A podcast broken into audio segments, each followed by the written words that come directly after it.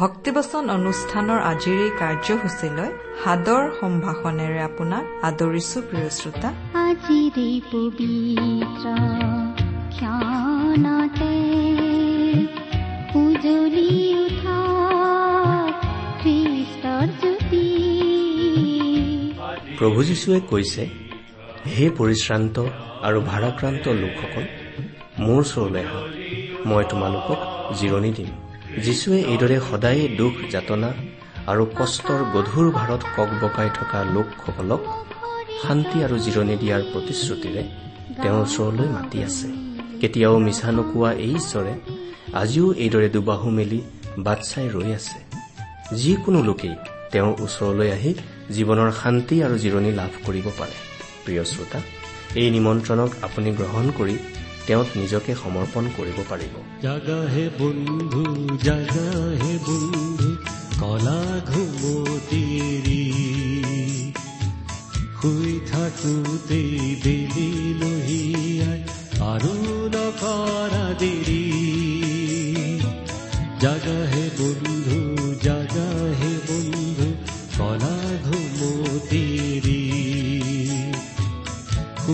বেলি লহিয়াই আৰু নকৰা দেৰি পুনাহে আজি শুভ বাতৰি হৃদয় শান্ত কৰা সৰগৰ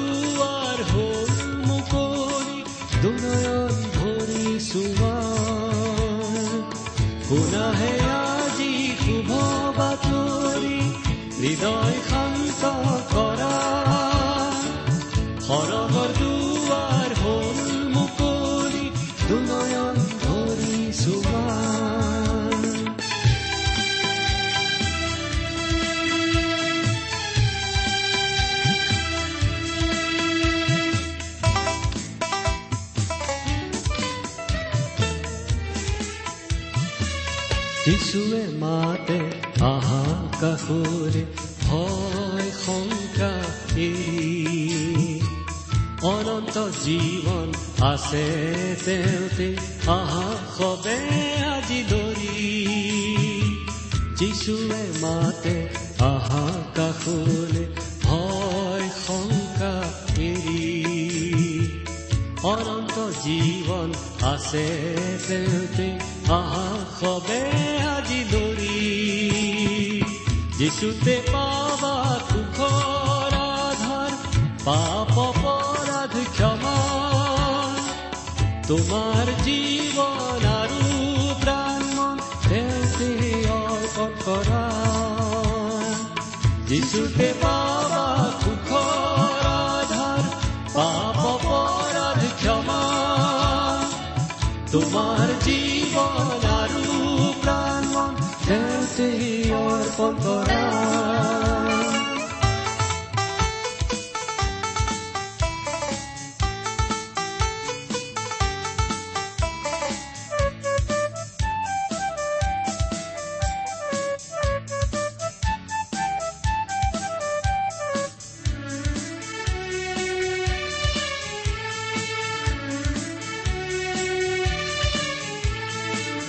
যিচুৱে মাতে আহা কাষৰে ভয় শংকা অনন্ত জীৱন আছে তেওঁতে আহা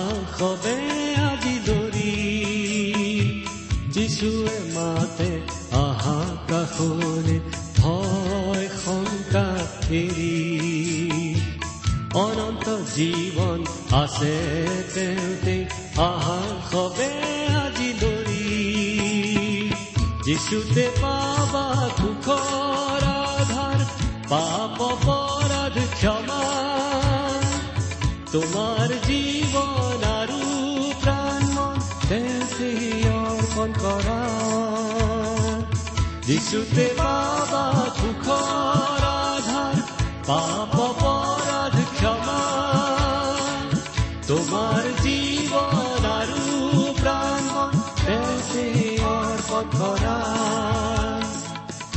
জাগা হে বন্ধু, জাগা হে বন্ধু, কলা ঘুমতিৰি শুই থাকোতেই বেলি লহিয়াই আৰু নকৰা দেৰি জাগা হে বন্ধু, জাগা হে বন্ধু, কলা ঘুমতিৰি শুই আৰু নকৰা দেৰি আৰু নকৰা দেৰি আৰু নকৰা দেৰি আমাৰ পৰম পবিত্ৰ প্ৰভু যীশুখ্ৰীষ্টৰ নামত নমস্কাৰ প্ৰিয় শ্ৰোতা। আশা কৰো আমাৰ পৰম পিতা পৰমেশ্বৰৰ মহান অনুগ্ৰহত আপুনি ভালে কুশলে আছে। লগতে এই বুলিও আশা কৰিছো যে আপুনি আমাৰ এই ভক্তিবচন অনুষ্ঠান নিয়মিতভাৱে শুনি আছে। এই ভক্তিবচন অনুষ্ঠান বাইবেল অধ্যয়নৰ অসমীয়া অনুষ্ঠান।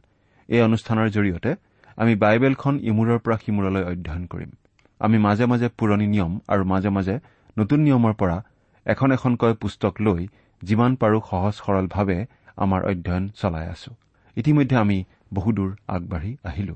প্ৰিয় শ্ৰোতা আমি মুখামুখিকৈ লগ নাপালেও আমাৰ বাৰু চিনাকি চিনাকি যেন নালাগেনে?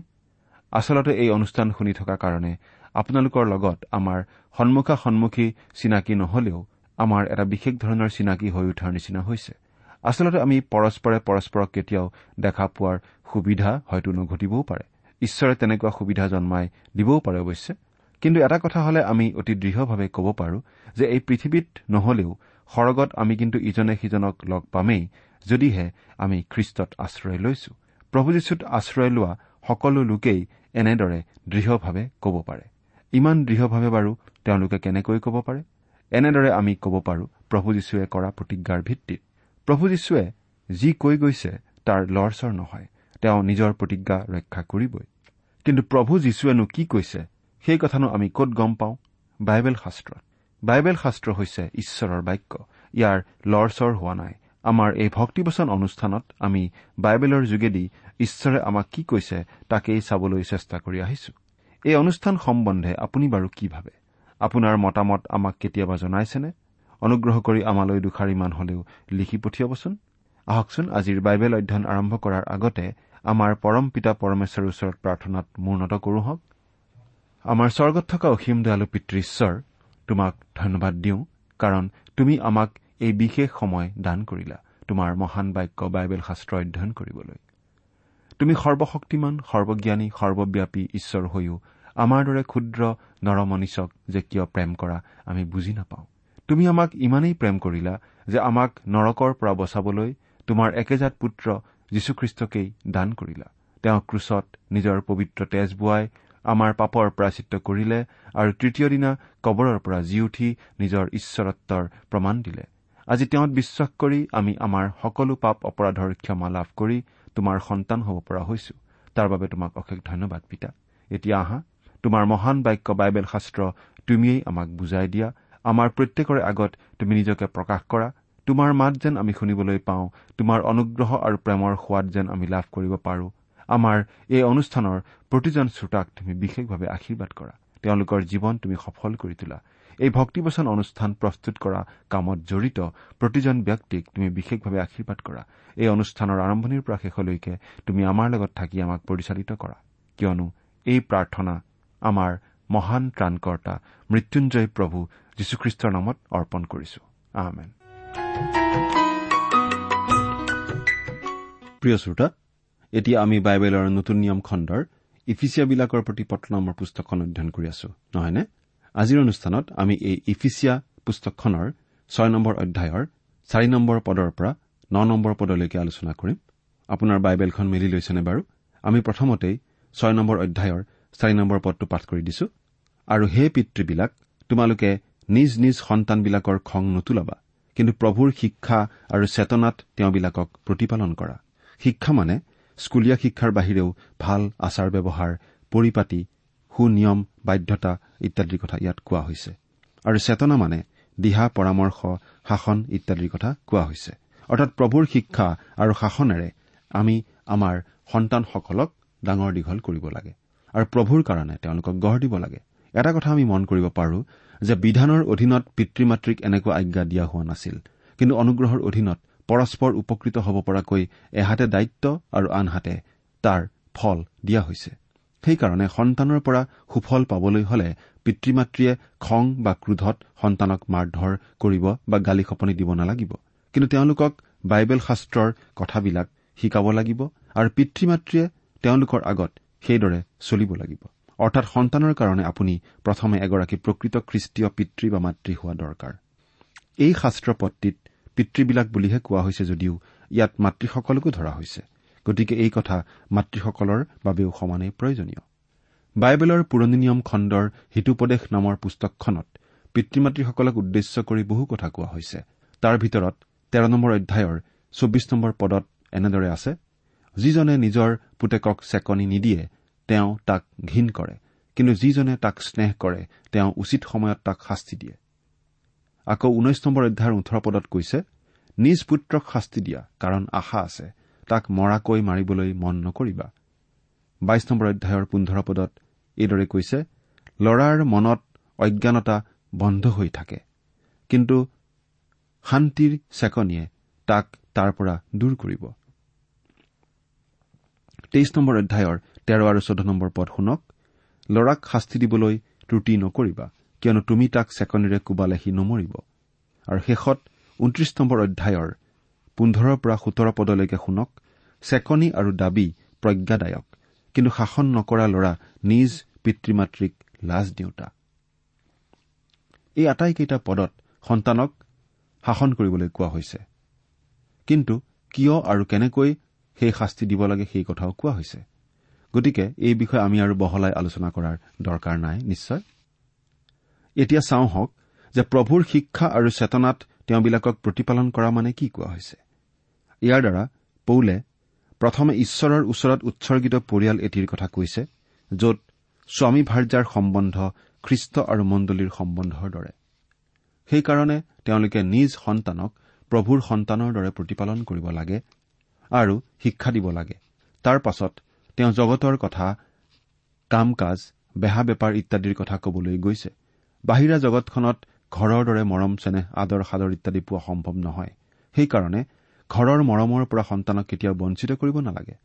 কিন্তু ঘৰৰ মৰম যাতে বাহিৰতো পবিত্ৰ আত্মাৰ দ্বাৰা প্ৰকাশ কৰিব পাৰে তালৈ লক্ষ্য ৰাখিব লাগে। এতিয়া বাহিৰা জগতখনৰ বিষয়ে পৌলে কি কৈছে? সেই বিষয়ে পাঁচ নম্বৰ পদৰ পৰা আঠ নম্বৰ পদলৈ পাঠ কৰিছো। হে দাসবিলাক তোমালোক যেনেকৈ খ্ৰীষ্টৰ তেনেকৈ হৃদয়ৰ সৰলতাত ভয় আৰু কম্পনেৰে নিজ নিজ মাংসিক প্ৰভুবিলাকৰ আজ্ঞাধীন হোৱা দাস হওক বা স্বাধীন হওক প্ৰতিজনে যি সৎকৰ্ম কৰে তাৰ ফল যে প্ৰভুৰ পৰা পাব তাকে জানি চকু চাকৰৰ দৰে মানুহৰ সন্তোষজনক নহয় বৰং নিজক খ্ৰীষ্টৰ দাস বুলি মানি হৃদয়েৰে ঈশ্বৰৰ ইচ্ছা পালন কৰি মানুহৰ নহয় প্ৰভুৰ উদ্দেশ্যে প্ৰণয়ভাৱে দাস্যকৰ্ম কৰা। প্ৰিয় শ্ৰোতা মাংসিক প্ৰভু মানে জগতত থকা মালিক বা গৰাকীবিলাকক বুজোৱা হৈছে। দাসবিলাকে মালিকৰ বাধ্য হৈ চলিব লাগে। দাসৰ কাম কেৱল মালিকক দেখুৱাবলৈ নহয় কিন্তু আন্তৰিকতাপূৰ্ণভাৱে সেই কাম কৰিব লাগে। কেৱল মালিকে দেখাকৈ কাম কৰিলে নহব মালিক নাথাকোতেও বিশ্বাসীভাৱে কাম কৰিব লাগে। ঈশ্বৰে মালিকসকলকো দায়িত্ব দিছে। এয়া শ্ৰমিক আৰু মালিক দাস আৰু গৰাকীৰ সম্বন্ধ। পৌলৰ দিনত এই দুয়োটা শ্ৰেণীৰ মাজত বৰ প্ৰভেদ আছিল। এই প্ৰভেদৰ উপশম ঘটাবলৈ পৌলে কৈছিল খ্ৰীষ্টৰ ভয়ত ইজনে সিজনৰ বশীভূত হোৱা। এইটো বৰ সুন্দৰ কথা। সঁচাকৈ মালিক আৰু শ্ৰমিক উভয়ে যদি প্ৰভুক ভয় কৰে তেন্তে ইজনে সিজনক ভয় আৰু সন্দেহ কৰিব নালাগিলেহেঁতেন। খ্ৰীষ্টিয়ান মালিকৰ কিছুমান কাৰখানা আছে য'ত কামৰ আগতে প্ৰাৰ্থনা কৰা হয়। তেনে কাৰখানাত শ্ৰমিক সন্থাও নাই আৰু মহৰীও নাই।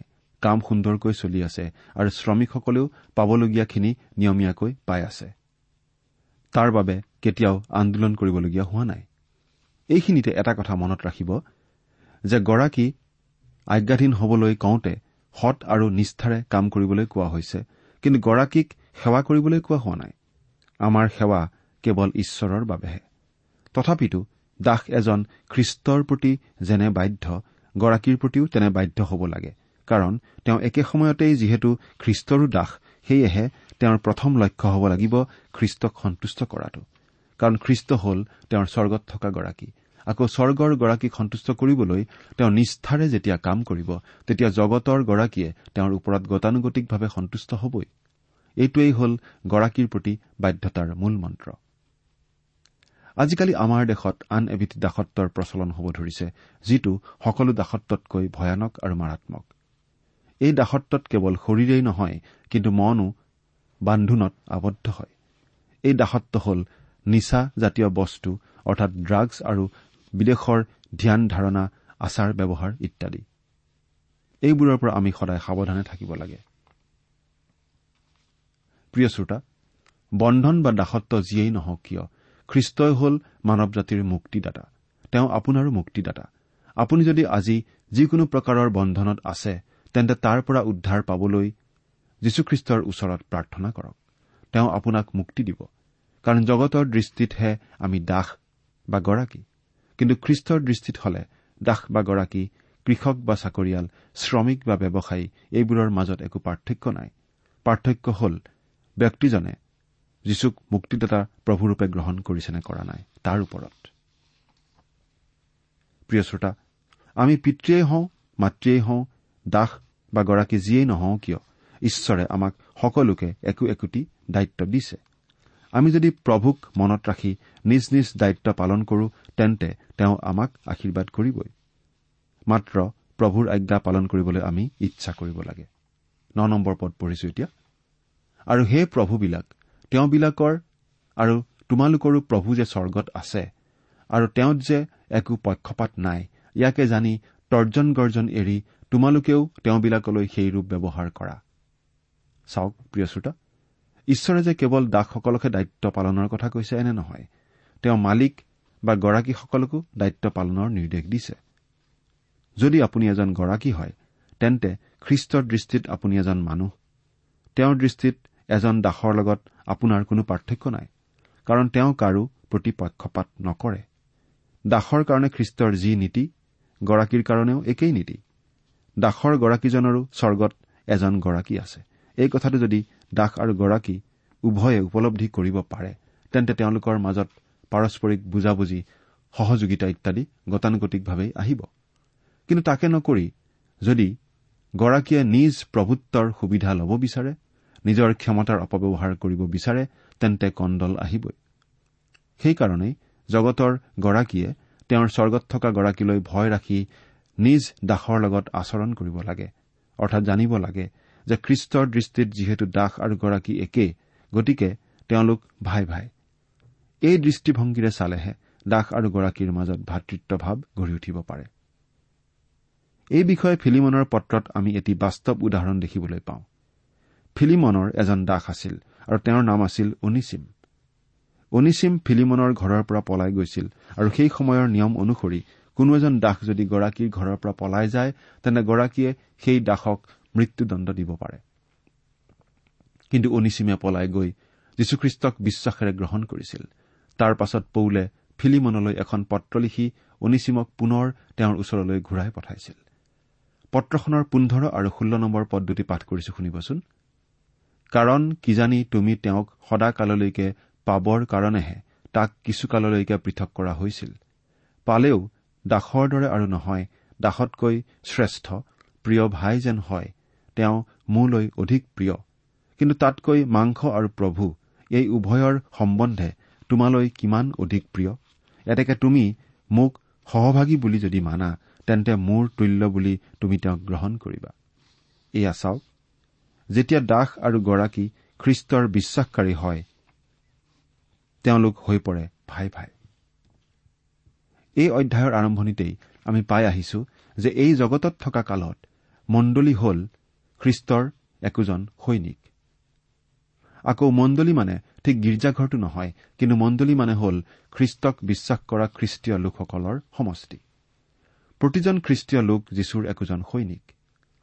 এজন সুদক্ষ সৈনিক হবলৈ আকৌ প্ৰশিক্ষণৰ প্ৰয়োজন হয়। এই প্ৰশিক্ষণ আৰম্ভ হয় সৰু কালতে। অৰ্থাৎ সন্তান যেতিয়া পিতৃ মাতৃৰ অধীনত ঘৰত থাকে তেতিয়াই। বাধ্যতা হ'ল প্ৰশিক্ষণৰ প্ৰথম পাঠ।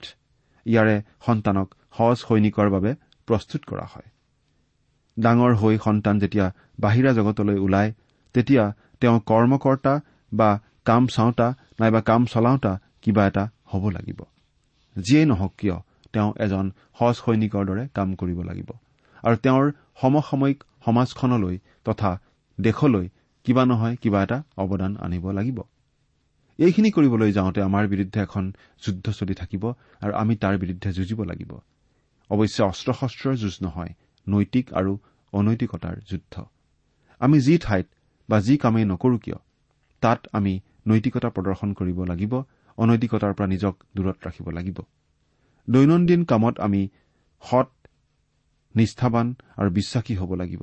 অৰ্থাৎ আমি দাসেই হওঁ বা গৰাকীয়েই হওঁ। আগতে পাই অহা খ্ৰীষ্টৰ নিৰ্দেশবিলাক পালন কৰিব লাগিব। তেতিয়াহে আমি সুদক্ষ সৈনিক হৈ জগতৰ ওপৰত জয় লাভ কৰিব পাৰিম।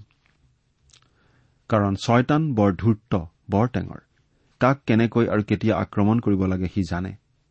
আমি ভাবো যে ছয়তানৰ চকু ৰাতিৰ ক্লাব জোৱাৰ আড্ডা বা বেশ্যালয়বিলাকত নাই বৰং তাৰ চকু আছে খ্ৰীষ্টৰ মণ্ডলীৰ ওপৰত। খ্ৰীষ্টৰ উপাসনা চলি থকা ঠাইবোৰত। খ্ৰীষ্টীয় ঘৰ আৰু সাধু লোকসকলৰ ওপৰত। য'ত ছয়তান নাই বুলি আমি ভাবো তাতেই সি থাকে। সাধু লোকৰ মুখেদি পৰচৰ্চা বা অশালীন কথা উলিয়াব পাৰিলে ছয়তানে বৰ আনন্দ পায়। দেওবাৰে ৰাতিপুৱা আমি যেতিয়া গীৰ্জাত থাকো তাতো আমি সাৱধানে থাকিব লাগে। তাতো ছয়তানে আমাক আক্ৰমণ কৰিব বিচাৰে। আপোনাৰ নিশ্চয় মনত আছে যে ইফিচিয়া পত্ৰখন আলোচনা কৰিবলৈ লওঁতে আমি কৈছিলো এই পত্ৰখন যীহুচোৱা পুস্তকৰ লগত তুলনা কৰিব পাৰি। কাৰণ বাইবেলৰ পুৰণি নিয়মত যীহুচোৱা পুস্তকখন যি নতুন নিয়মত ইফিচিয়া পত্ৰও সেই একে। যীহুচোৱাই ইছৰাইলীয়াসকলক জৰ্দন নদী পাৰ কৰাই কনান দেশলৈ চলাই আনিছিল আৰু সেই দেশত তেওঁলোকৰ বহুত শত্ৰু আছিল। সেই শত্ৰুসকলৰ বিৰুদ্ধে তেওঁলোকে যুদ্ধ কৰিব লাগিছিল আৰু যুদ্ধত জয়লাভ কৰিব লাগিছিল। এতিয়া মন কৰক যে জৰ্দন নদীয়ে আমাক মৃত্যু নুবুজায় আৰু ঈশ্বৰে প্ৰতিজ্ঞা কৰা কনান দেশ স্বৰ্গৰ ছবি নহয়। ইয়াৰ যোগেদি খ্ৰীষ্টৰ মৃত্যু আৰু পুনৰুত্থানৰ কথাহে কোৱা হৈছে। আমি খ্ৰীষ্টীয় বিশ্বাসীসকলে খ্ৰীষ্টৰ মৃত্যু আৰু পুনৰুত্থানৰ দ্বাৰা অৰণ্যস্বৰূপ জগতৰ পাপ বন্ধনৰ পৰা উদ্ধাৰ পাইছো আৰু আজি আমি কনান দেশত বাস কৰি আছো। কনানে স্বৰ্গক নুবুজায় কনানে যুদ্ধক্ষেত্ৰ আৰু ৰণস্থলীক বুজায়। আজি আমি যুদ্ধক্ষেত্ৰৰ মাজত বাস কৰি আছো। ইয়াত আমি একোজন সৈনিকৰ দৰে থাকিব লাগিব। আমাৰ সন্মুখত শত্ৰু আছে আৰু তাৰ বিৰুদ্ধে যুঁজিব লাগিব। কনানৰ যুদ্ধৰ বিষয়ে কিছু কথা আলোচনা কৰো আহক। যীহুচুৱাই কনানত প্ৰৱেশ কৰিয়েই তিনিবাৰ যুদ্ধ কৰিব লগা হৈছিল। প্ৰথমে তেওঁলোকে যাত্ৰাপথত জিৰিহু নগৰ পাইছিল আৰু জিৰিহু নগৰে জগতক বুজায়। যীহুচোৱাৰ বাবে জিৰিহু যেনেকুৱা আছিল আজি খ্ৰীষ্টিয়ানৰ কাৰণে জগতখনো ঠিক তেনেকুৱা। যীহুচুৱাই গৈ যেতিয়া জিৰিহু পাইছিল তেতিয়া তাৰ বিৰুদ্ধে যুদ্ধ কৰিবলৈ ঈশ্বৰে তেওঁক কোৱা নাছিল কিন্তু সেই নগৰৰ চাৰিওফালে ঘূৰিবলৈ গৈছিল। আজিও আমি যুদ্ধ কৰি জগতৰ ওপৰত জয়লাভ কৰিব নোৱাৰো। এনেকুৱা চেষ্টা আমি কৰি লাভ নাই। প্ৰথম জোহন দুই অধ্যায় পোন্ধৰ আৰু ষোল্ল পদত কৈছে তোমালোকে জগতক বা জগতত থকা বিষয়বোৰক প্ৰেম নকৰিবা। কোনোৱে যদি জগতক প্ৰেম কৰে তেন্তে পিতৃৰ প্ৰেম তেওঁৰ অন্তৰত নাই কিয়নো জগতত যিসকলো আছে অৰ্থাৎ মাংসৰ অভিলাষ চকুৰ অভিলাষ জীৱনকালৰ গৰ্ব এইবোৰ পিতৃৰ পৰা উৎপন্ন নহয় জগতৰ পৰাহে হয়। জগতৰ এই অভিলাষবিলাক জিৰিহু নগৰৰ দৰে। আমাৰ নিজৰ শক্তিৰে জয়লাভ কৰিব নোৱাৰো। ঈশ্বৰৰ শক্তিৰ ওপৰত ভৰসা কৰিহে আমি জয়যুক্ত হ'ব পাৰো। জীহুচোৱাৰ দ্বিতীয় শত্ৰু আছিল আই নগৰ আই নগৰে মাংসক বুজায়। জীহুচোৱাই ভাবিছিল যে আই নগৰৰ ওপৰত তেওঁ জয়লাভ কৰিবলৈ সক্ষম হ'ব। কিন্তু তেওঁলোকৰ মাজত এটা পাপ ঘটা কাৰণে তেওঁলোক বেয়া ধৰণে পৰাস্ত হৈছিল। পাছত ইছৰাইলে সেই পাপটো ঈশ্বৰৰ আগত স্বীকাৰ কৰিছিল আৰু তেতিয়াহে তেওঁলোকে জয়লাভ কৰিছিল। তৃতীয়তে তেওঁলোক গিবিয়নীয়াবিলাকৰ সন্মুখীন হৈছিল। গিবিয়নীয়াবিলাক বৰ ধূৰ্ত আৰু টেঙৰ আছিল। ইছৰাইল থকা পাহাৰ এখনৰ সিপাৰে তেওঁলোক আছিল। কিন্তু তেওঁলোকে ফটা চিটা কাপোৰ জোতা ইত্যাদি পিন্ধি ভোকে পিয়াহে বহু দূৰৰ পৰা অহা যাত্ৰীৰ দৰে জিহুচৰ ওচৰলৈ আহিছিল আৰু তেওঁলোকক চলনা কৰিছিল আৰু তেওঁলোকৰ লগত এটা চুক্তি কৰিছিল। আজিও ছয়তানে ছদ্মবেশেৰে আহি আমাক ফুচুলাই আমাক ভুলাই ঈশ্বৰৰ পথৰ পৰা আঁতৰাই নিবলৈ চেষ্টা কৰে। এই গিবিয়নীয়াসকলে ছয়তানক বুজায়। তেওঁলোকে চুক্তি কৰি যীহুচোৱাক বিপদত পেলাইছিল কাৰণ যীহুচোৱাই তেওঁলোকৰ লগত মিত্ৰতা কৰিছিল। গতিকে আজিকালিও যদি ছয়তানৰ লগত মিতিৰালি কৰো তেন্তে পাপত আমি পৰিমেই আমি বিজয়ী হ'ব নোৱাৰিম। কাৰণ আমি কোনোমতেই ছয়তানৰ সমকক্ষ নহয়। তাৰ লগত আমি যুঁজ কৰিব নোৱাৰো। আমি দুৰ্বল মানুহ। আমি সৈনিক হলেও ছয়তানৰ ওপৰত জয়লাভ কৰা শক্তি আমাৰ নাই। সেইকাৰণে ছয়তানৰ বিৰুদ্ধে আমাক যুদ্ধ কৰিবলৈও ঈশ্বৰে কোৱা নাই। আমাক কোৱা হৈছে যে ঈশ্বৰে আমাৰ হৈ যুদ্ধ কৰিব আৰু ঈশ্বৰে যদি কৰে তেন্তে ছয়তান পৰাজিত হবই। প্ৰিয় শ্ৰোতা আজি আমি ইফিচিয়া পুস্তকখনৰ ছয় নম্বৰ অধ্যায়ৰ ন নম্বৰ পদলৈকে আলোচনা কৰিলো। অহা অনুষ্ঠান পুনৰ যাতে আপুনি শুনে এই অনুৰোধেৰে আমাৰ আজিৰ অনুষ্ঠান সামৰিব খুজিছো কিন্তু এটা কথা কৈ যাব খুজিছো। ইয়াত যিবোৰ কথা কোৱা হৈছে সেইখিনি খ্ৰীষ্টীয় বিশ্বাসীসকলৰ বাবেহে। খ্ৰীষ্টীয় বিশ্বাসীজনৰ বিৰুদ্ধে ছয়তানে অনাবৰতেই যুঁজি থাকে। কিন্তু ছয়তানে খ্ৰীষ্টীয় বিশ্বাসীজনক কেতিয়াও যীশুৰ হাতৰ পৰা কাঢ়ি নিব নোৱাৰে। খ্ৰীষ্টীয় বিশ্বাসীজনক হয়তো ছয়তানে অসফল খ্ৰীষ্টিয়ান কৰি পেলাব পাৰে। আৰু অসফল খ্ৰীষ্টিয়ান হিচাপে বিশ্বাসীজনে পৰিত্ৰাণৰ আনন্দ হয়তো হেৰুৱাবও পাৰে। কিন্তু পৰিত্ৰাণ তেওঁ কেতিয়াও নেহেৰুৱায়। এবাৰ যদি তেওঁ প্ৰভু যীশুত আশ্ৰয় লৈছে তেন্তে তেওঁ ৰক্ষা পাবই তেওঁ পৰিত্ৰাণ পাবই। কি সুন্দৰ কথা প্ৰিয় শ্ৰোতা। আপুনি বাৰু প্ৰভু যীশুত আশ্ৰয় লৈ চিৰদিনৰ বাবে সুৰক্ষিত হৈছেনে? যদি হোৱা নাই আজিয়েই এই সময়তে প্ৰভু যীশুক আপোনাৰ ত্ৰাণকৰ্তা বুলি গ্ৰহণ কৰি অনন্ত কালৰ বাবে নিজকে সুৰক্ষিত কৰক। ঈশ্বৰে আপোনাক আশীৰ্বাদ কৰক। প্ৰিয় শ্ৰোতা ইমান পৰে আপুনি বাইবেল শাস্ত্ৰৰ পৰা ঈশ্বৰৰ বাক্য শুনিলে এই বিষয়ে আপোনাৰ মতামত জানিবলৈ পালে আমি নথৈ আনন্দিত হ'ম। আমি প্ৰস্তুত কৰা বাইবেল অধ্যয়নৰ চিডিসমূহ পাব বিচাৰিলে আৰু অনুষ্ঠানত প্ৰচাৰ কৰা কোনো কথা বুজিব লগা থাকিলেও আমালৈ লিখক। আমাৰ যোগাযোগৰ ঠিকনা ভক্তিবচন ট্ৰান্সপল ৰেডিঅ' ইণ্ডিয়া ডাক বাকচ নম্বৰ সাত শূন্য গুৱাহাটী সাত আঠ এক শূন্য শূন্য।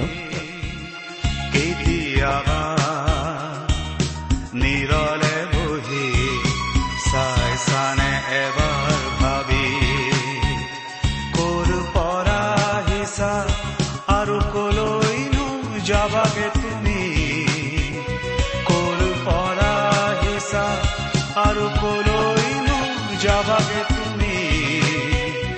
তোমাৰ জীৱনৰ লক্ষণ কি? কেতিয়াবা নিৰলে বহি চাই চানে এবাৰ ভাবি। ঠিকনাটো আকৌ এবাৰ কৈছো ভক্তি বচন ট্ৰান্স ৱৰ্ল্ড ৰেডিঅ' ইণ্ডিয়া ডাক বাকচ নম্বৰ সাত শূন্য গুৱাহাটী সাত আঠ এক শূন্য শূন্য এক। আমাৰ ইমেইল এড্ৰেছটো হৈছে Assamese T TV at the rate radio' eight eight two dot com আমাৰ website W W W dot T W R dot in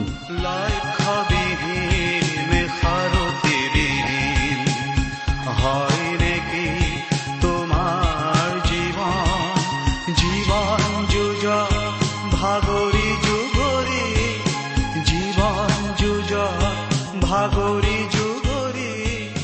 আপুনি টেলিফোনৰ মাধ্যমেৰেও আমাক যোগাযোগ কৰিব পাৰে। আমাৰ টেলিফোন নম্বৰটো হৈছে nine eight five four zero' four zero' eight eight nine. Phone নম্বৰটো আকৌ এবাৰ কৈছো ন আঠ পাঁচ চাৰি শূন্য চাৰি শূন্য আঠ আঠ ন। আপুনি এই ভক্তিবচন অনুষ্ঠানটি আমাৰ website radio' eight eight two dot কমতো শুনিব পাৰিব। আজিৰ অনুষ্ঠানটি ইমানতেই সামৰিছো। ঈশ্বৰৰ শান্তি আৰু অনুগ্ৰহ আপোনাৰ লগত থাকক। ধন্যবাদ।